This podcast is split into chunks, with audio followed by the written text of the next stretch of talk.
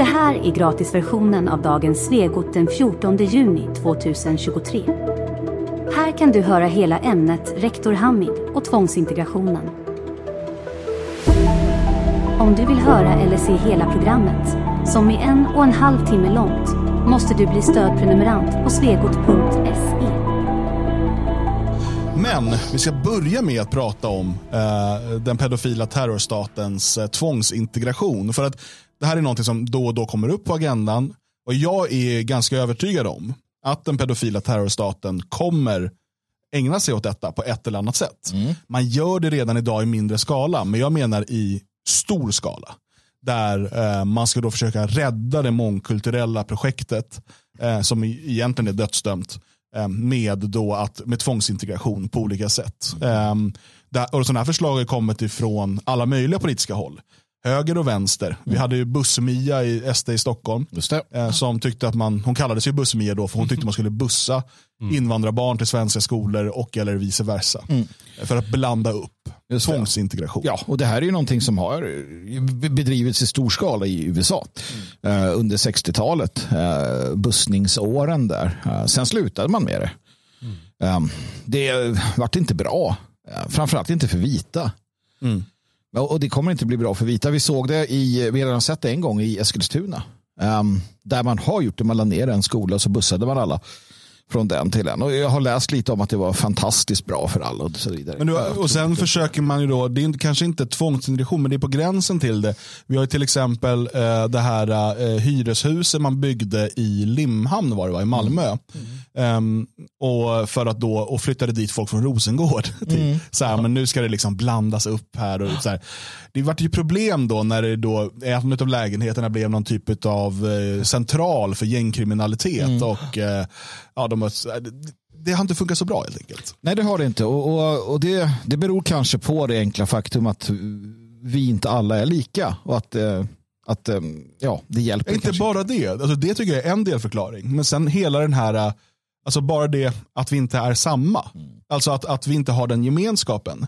Och man, även om man skulle bortse ifrån liksom, vad ska man säga, biologiska skillnader och hur det påverkar oss som människor. Även om man skulle bortse från det. Så bara det att vi har olika identitet, att vi ser olika ut, att vi har olika religioner, olika kultur. Bara det i sig skulle jag säga till och med omöjliggör projektet av att vi på något sätt skulle bli en enhet. Ehm, så att, ehm, ja. Men jag tänkte vi skulle börja och titta på ett exempel på någon som nu ropar på tvångsintegration. Eh, kommer ni ihåg rektor Hamid? Oh ja, eh, han fick gå från sitt rektorsjobb eh, för att han sa saker, eller hade skrivit saker. Eh, Jag tror inte han var rektor längre då, eh, utan han kom väl upp sig som rektor i Hammarkullen, eh, där han hade lyckats få styrning på någon skola. Ja. Eh, och då, då blev han något så här exempel på den fantastiska, liksom, hur det går att lösa de här Just områdena.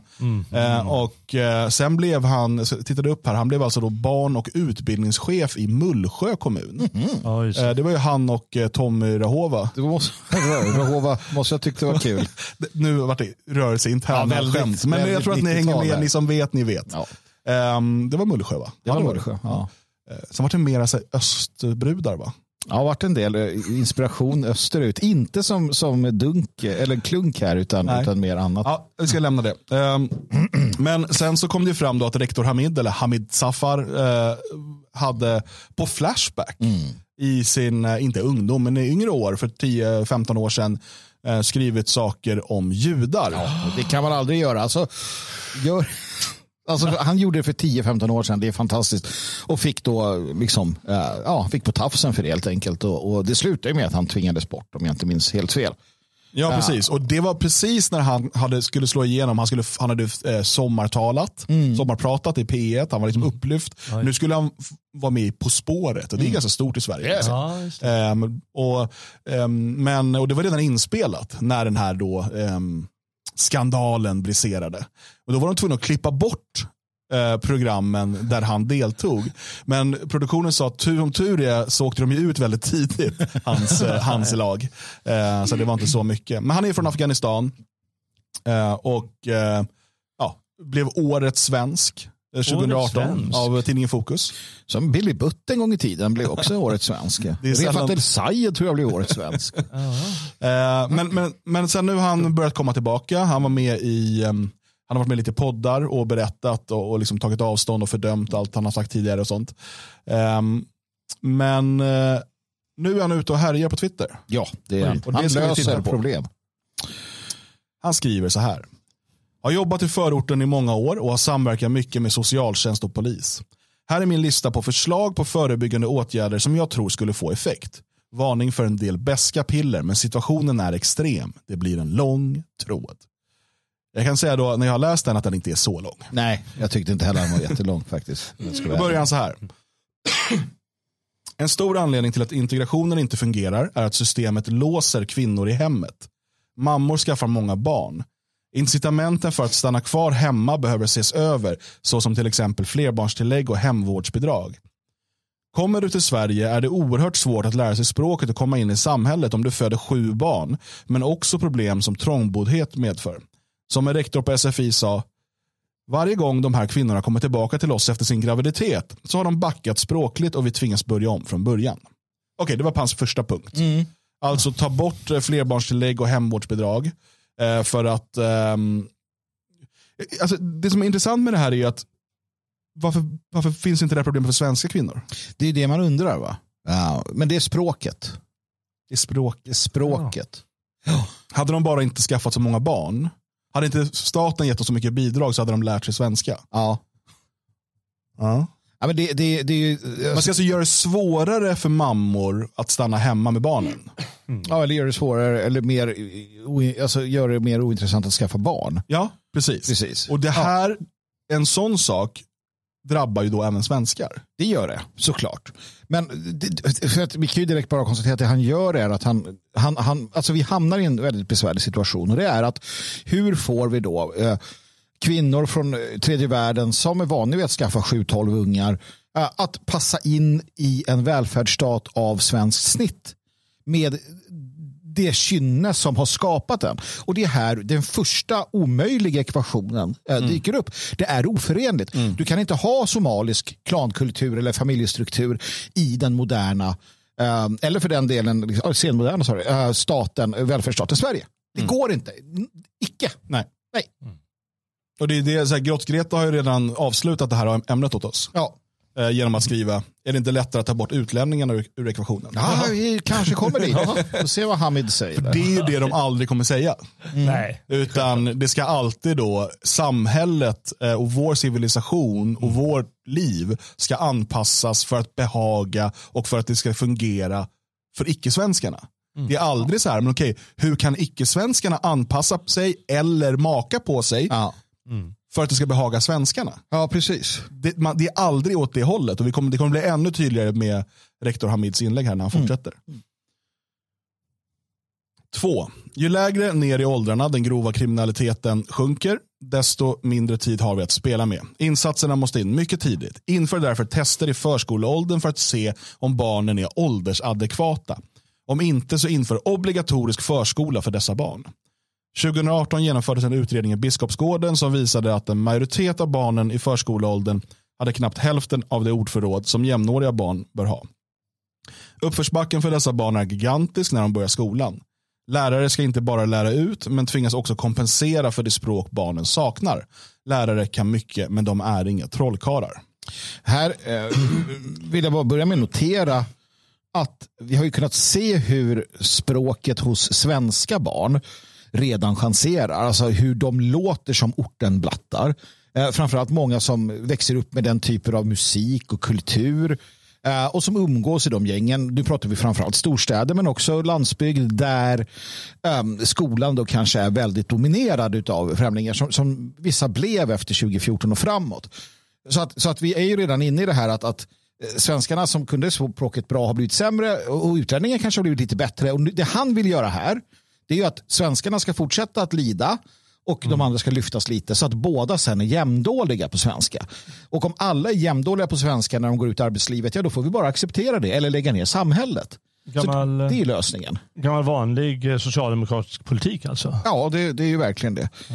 Ehm, verkligen. Eh, och eh, ehm, det här med den grova kriminaliteten. Ja, nej visst, alltså det finns ju en sanning i det. Att, att det är ett jätteproblem. Men sen generellt sett då att vi ska införa ännu mer skolplikt i Sverige. Såklart. Eh, Och det är det här återigen, ta bort makt från föräldrarna. Inte, för, återigen, man kommer då inte säga att det här gäller bara muslimer. Nej, nej. Utan det kommer ju även då drabba svenskar. Och det är ett verktyg som kommer kunna användas emot de svenska familjer som kanske väljer att nej, men jag vill inte ha barn på förskolan. Vi ser till att på något sätt få vi ekonomin att gå runt. Men vi vill vara hemma med barnen till som börjar eh, förskoleklass eller vad det heter, närmare sex år. Eh, Och så kan man använda det mot dem. För att liksom tvinga in. Det här är ju återigen ännu ett steg mot ännu mer tvång från staten. Så är det. Och återigen, varför? För att sa- samhället och vår civilisation ska anpassas för människor som inte har byggt den och som inte har i den att göra egentligen. Mm. Och, och eh, därtill så, så ser vi um, något jag glömde bort. Det, så kan det vara. Det, det blir lätt så när man ska komma på de här sakerna. Tre. Förläng skoldagen via fritidshem. Oj, ännu mer stat. Ja. Fritidshem har idag ett betydligt större pedagogiskt uppdrag än när jag var liten. Det är en naturlig förlängning av skoldagen och barnen kan vistas i skolmiljön. Det är en relativt billig lösning i sammanhanget. På så sätt får barnen en förlängd skoldag under ledning av pedagogisk personal. Det löser problemet för barn i trångboddhet och minimerar risken med att de socialiseras in bland kriminella på fritiden. Nej, men det gör det inte. Och eh, det jag kom på när jag skulle sagt förra gången, det var ju det att, och det här det hänger ihop. Man gjorde ju, om det var Järva eller något område, minns inte, där man hade ett informationsmöte. Man skickade ut då till alla, alla som hade barn i den åldern och man skulle informera om förskolan och liknande. Noll personer kom. Noll. Så många. Exakt noll. Ja, men, och här För de här är återigen, inte intresserade. Vadå förläng dagen? Man får ju gå, om man har behov av fritidshem så har man rätt till det i Sverige idag. Jag vet många, eh, min son går ibland på fritids eh, när vi inte eh, är hemma någon av oss vid den tiden, när skolan slutar. Eh, och jag vet andra som går på fritids. Så jag, eh, faktiskt inte så länge sedan som jag pratade med en vän som bor i ett lite mer mångkulturellt område. Som har barnen eh, i skola där och, och fritids. och han sa det att det är så skönt på fritids, tycker barnen, för då är det så väldigt få invandrare där. I sko- för att du får ju bara fritidshem om föräldrarna jobbar.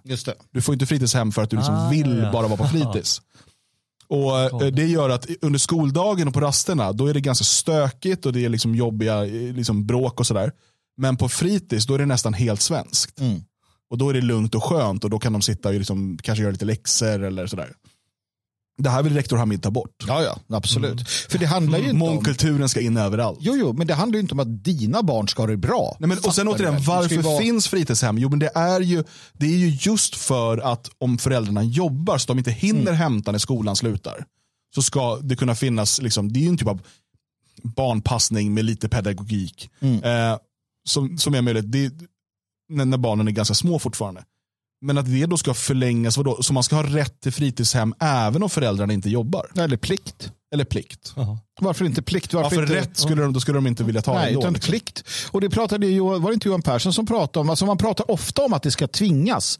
Tvingande, och så varför inte förlängd eh, fritidsnärvaro? Varför, inte, varför ska barnet gå hem tidigare? 18.00. Varför inte från 7 till 18 varje dag? Så socialiseras de ordentligt, allihopa tillsammans. Och hur, hur lång, eh, jag, jag tror inte det stod hur, hur länge de ska göra det, till vilken ålder. Ja, för evigt. För det, Det är inte en kolchos när de blir äldre. Nej, men alltså, om man börjar tänka att ja, men de borde göra det för att eh, minimera problemen fram till eh, de är 12.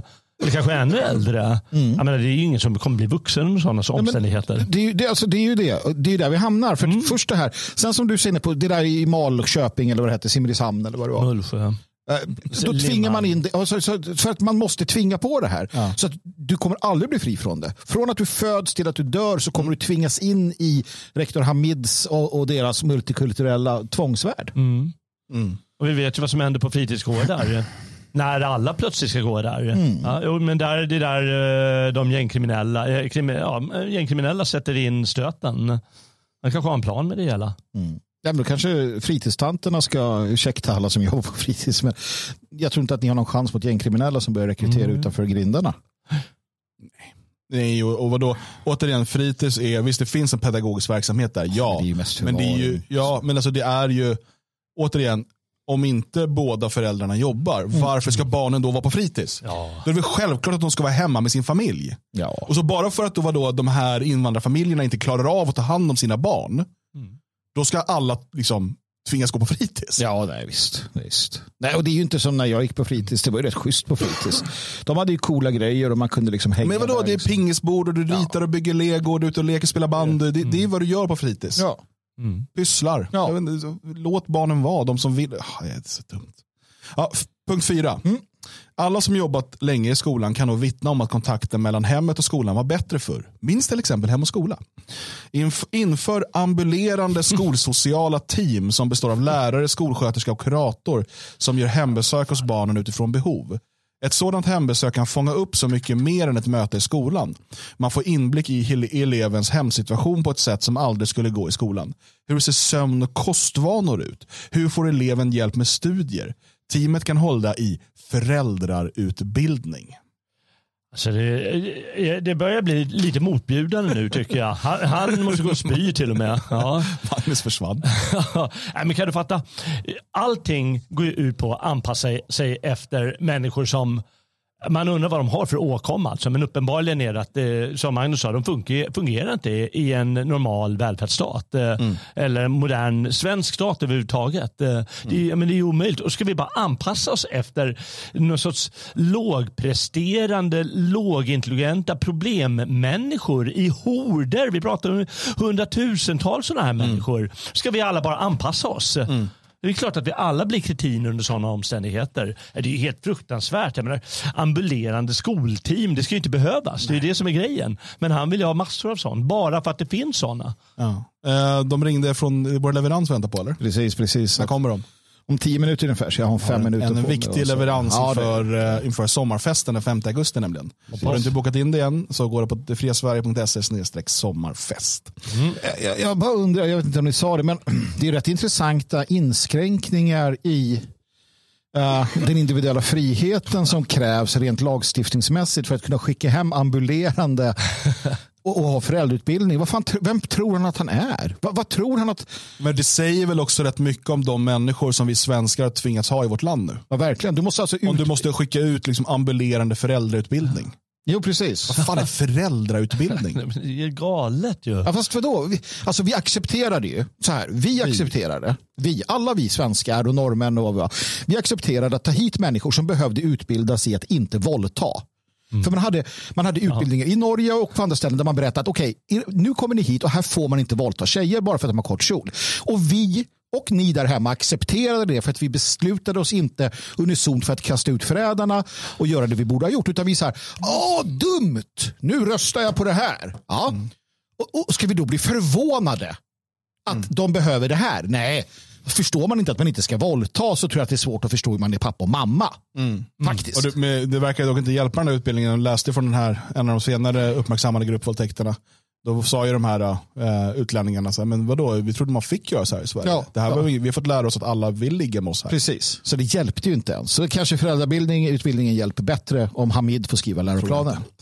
Fem, förändra lagstiftning kring tolkhjälp. Sätt ett tak på max två år.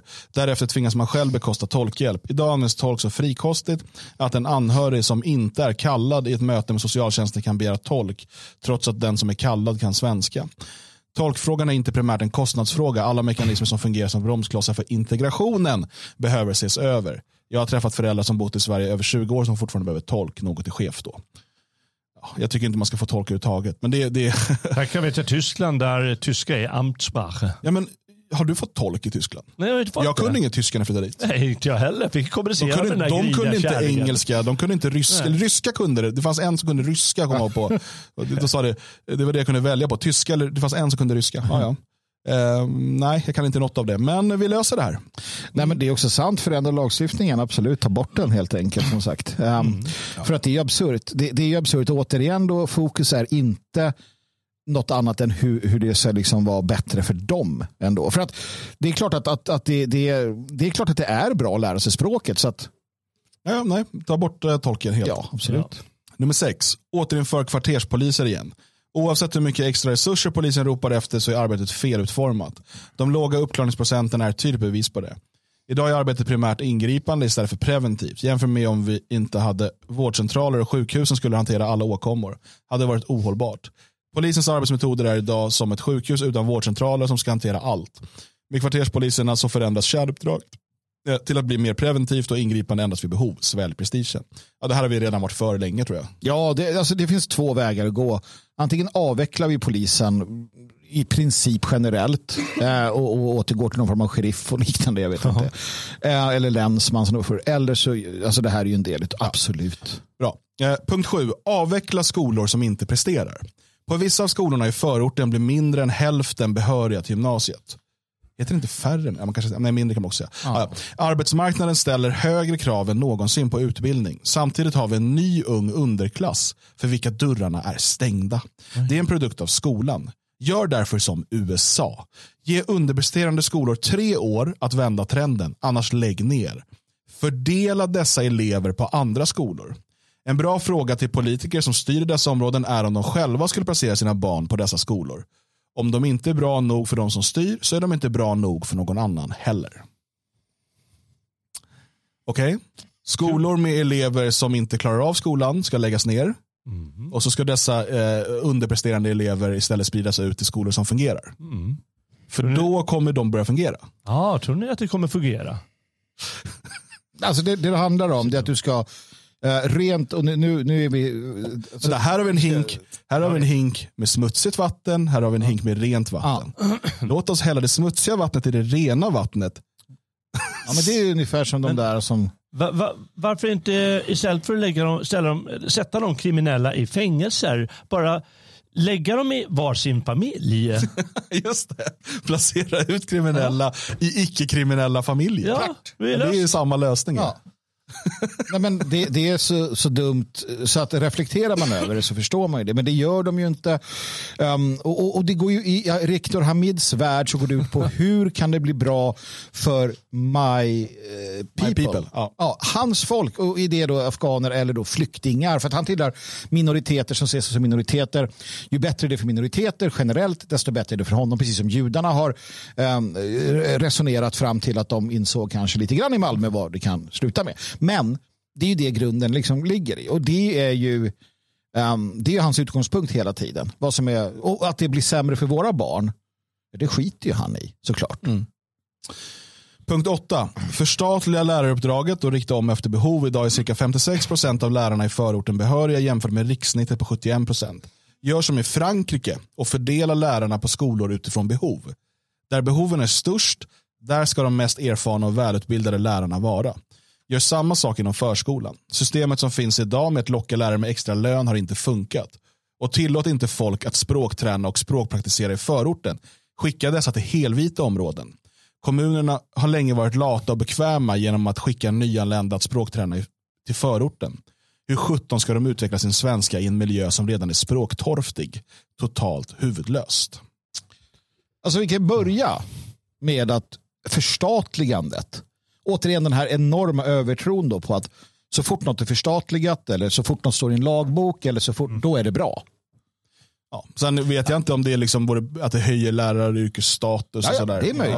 Eh, Jag- Det, det, det här förstatligandet, man måste fatta vad det går ut på. Det, det är egentligen bara att staten betalar lönen till lärarna. Nu har man lagt över det på kommunen och problemet där är förstås att kommunerna de kommer tänka oj hur kan vi fördela om pengar här? För vi måste gå till, måste gå till socialhjälp och måste gå till invandring och, måste då, och då blir skolan lidande och det är det som alla bekymrar sig över. Och det andra är förstås att eh, lärarna de var ju förut i och med att de var statligt anställda var de tjänstemän med de förpliktelser och, och eh, eventuella belöningar det kan innebära.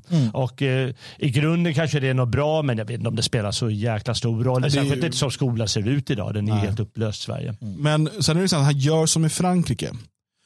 Eh, Marseille till exempel, som är ett av de mest invandringsdrabbade områdena. Deras förorter, deras invandrarområden är betydligt värre än våra. Mm. Deras gäng är betydligt större än våra. Mm. De kontrollerar ännu mer än vad våra gäng gör idag. Mm. Det har inte löst gängproblematiken. Nej. Nej. Och, och, och, och ärligt talat, de, de mest erfarna och välutbildade lärarna, de ska ju inte vara socialarbetare. De ska ju jobba med att lära ut till människor som kan ta emot detta. Alltså, det, här, det är ju som att säga, alltså, du behöver ju, om du har människor som är lite eljest, då behöver du specialpedagoger, sådana som kan ta hand om de människorna. Uh, du behöver inte den bästa läraren utan den som är bäst på att ta hand Och det är ju samma om du har människor med en hög IQ så behöver du ju lärare som kan hantera dem med den högre IQn. Sen behöver du ju andra lärare för att hantera dem som kanske är lite dummare. Mm. Uh, men idén om att de bästa lärarna jag menar, tar du en Harvard-professor och så bara här, Rinkeby. Ja, är han då så här, det här får han ordning på för att han är så jävla...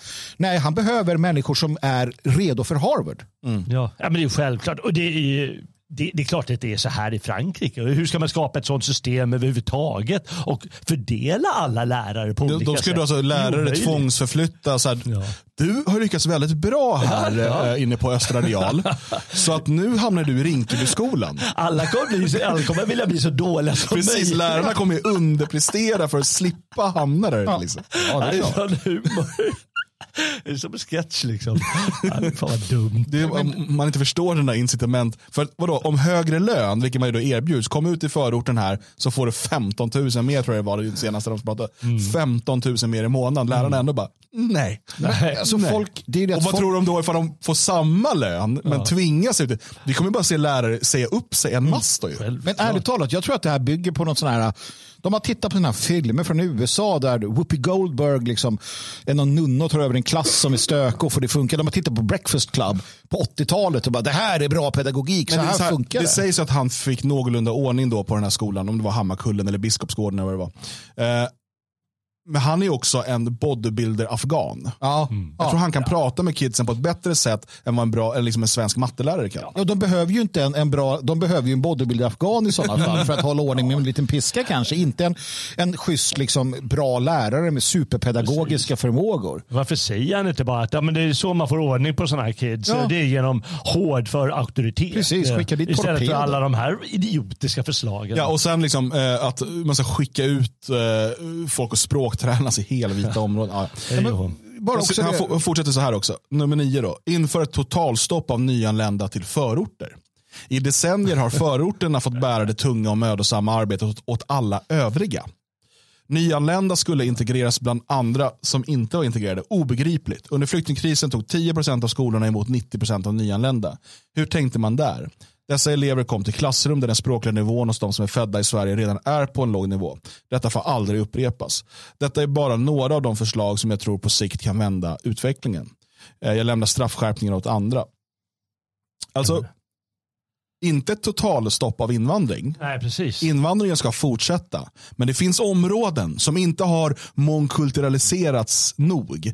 Områden som är alldeles för svenska för rektor Hamid. Mm. Dit ska det fortsätta. Ja. Inflödet ska fortsätta. Men det, ska, det, finns fortfarande vita fläckar. Han pratar själv om helvita mm. områden. Mm. De där fläckarna på kartan måste bli bruna. Men förstår du en sån här människa, vad hans grundinställning alltså den, den, den eh, nivån av tvång och lagstiftning och, och våld i grunden som behövs för att lösa alla de här sakerna.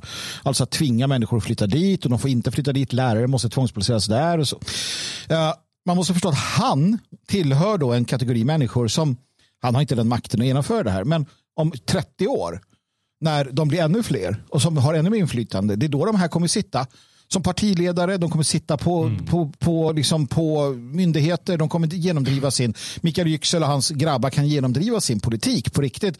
Som det här islamistpartiet i Belgien och så vidare. Det, är då, det här är deras idéer och det är som de ser De är afghanska bodybuilders. Ja, men man tar liksom, man gör, tvingar dit och man har skolan där och man gör det. Det är så de resonerar och det är ditåt Sverige går mm. med de här människorna. sen måste man också fråga sig varför ska svenska barn användas som en jävla språkhjälp? Varför, varför blev det svenska barns uppgift mm. att agera språkskola? Ja, åt afghaner och somalier. Eftersom vi accepterade att vara socialkontor åt dem. Vi accepterade att, att ge dem uh, allt annat. Så varför skulle de inte vara det? Vi har ju fullständigt bestämt oss för som civilisation att vår enda plikt och vår enda uppgift är att stötta civilisationer ja, som aspirerar på civilisation. Det är det enda vi ska göra. Så våra barn ska, våra döttrar måste ju fan gifta sig med Fattar ni inte det? Mm. Vad håller ni på med, era motstånd, era dumma jag gör? Ska blekansikten? jag säga vad de gör? De går emot eh, Kants grundläggande eh, eh, maxim och det är att man ska, han säger att han säger att man inte ska använda människor som medel utan bara som mål. Och de säger att alla de här barnen ska vara medel för massinvandring. Inte att de i deras mål ska bli bättre. De ska bara bli medel. När man kommer med Kant som slagträ, då Jag, jävlar jag har vet vi. bott på Kantstrasse. Ja, ja. Kant Café har jag druckit kaffe på. Ja, men det är ju självklart Du och Horace. det, är- det är helt gräsligt. De, ska använda barnen för att eh, träna invandrarkids som inte klarar av att bli svenska. Vad, vad tror du ska hända av allt det här? Vilken jävla dåre. De vet vad som Ja, ska hända. vet vad som och ska han, hända, han, han väntar Ja. på att få se det hända. Ja, men, men, och det är det här, återigen, nu, nu är ehm, rektor Hamid, han är inte liksom svensk själv och sådär, så att han har ju visst den synen. Men vi hör ju liknande tongångar från alla partierna. Eh, och, och aldrig sätts liksom, frå, ställs frågan, är det här bra för de svenska barnen? Det perspektivet finns aldrig, det är liksom irrelevant. Och och det finns här, jag måste också säga det, jag måste snart springa iväg, men jag vill ha det här sagt, för jag vill bara ta upp det här som Benjamin Disraeli sa, är det viktiga som finns, ras. Ja, det finns ett rasperspektiv här som vi ofta glömmer. Och det är att för oss så finns det också ett egenvärde i att vi är unika som människor. Hur vi ser ut och hela den biten. Araber, afghaner etc. De tillhör en, en, en uppblandad massa sedan 2000 år. Det finns inte. Alltså det, är därför, det är därför religionen är så, så central för dem. Det är en antirasistisk, antiraslig religiositet som binder dem samman. Medan vi också har en aspekt av att vi de facto utraderas som folk. Och där ser han, han ser ju inget problem i att, att det att vi blir en uppblandad massa utav ja, liknande araber och liknande. Medan för oss borde det finnas som ett egenvärde i att nej, vi ska vara kvar som de nordiska unika och vackra exempel som vi är. Ehm, och den, den delen är värd att slänga in här ibland för att förstå liksom varför vi kanske rent instinktivt också känner att det här är konstigt. Medan han, för, för han gäller ju inte den, den saken, för de har inget att bevara i den bemärkelsen. Eh, och med de orden mina vänner så tackar jag för mig och går Det är dags för leverans. Ja, det är snart dags för leverans. Jag går ut och väntar Och på ta dem. emot leveransen, leveransen som alltså är till sommarfesten den 5 augusti i Svenskarnas hus. Kommer med lastbil. Kommer med lastbil. Vem ska dricka allt det där? Nej, det är en, Torsten en, Klund. en leverans av eh, ganska viktiga saker till sommarfesten faktiskt. Mm. Jäklar vad kul det ska bli. Eh, Det ska eh, lekas och tjoas och simmas och sjungas och eh, ätas och drickas och jag vet inte. Allt skoj. Allt som gör livet värt att leva helt enkelt. Eh, På tal om att göra livet värt att leva Lite. så måste vi tala om Jan Jönsson. Vill du höra resten? Eller kanske se programmet som video? Det är klart du vill. Bli stödprenumerant på svegot.se så får du bland annat höra om hur den pedofila terrorstaten grommar barn, hur Jan Jönsson kräver uppmärksamhet och hur den kristna terroristen i Frankrike kanske inte alls var kristen.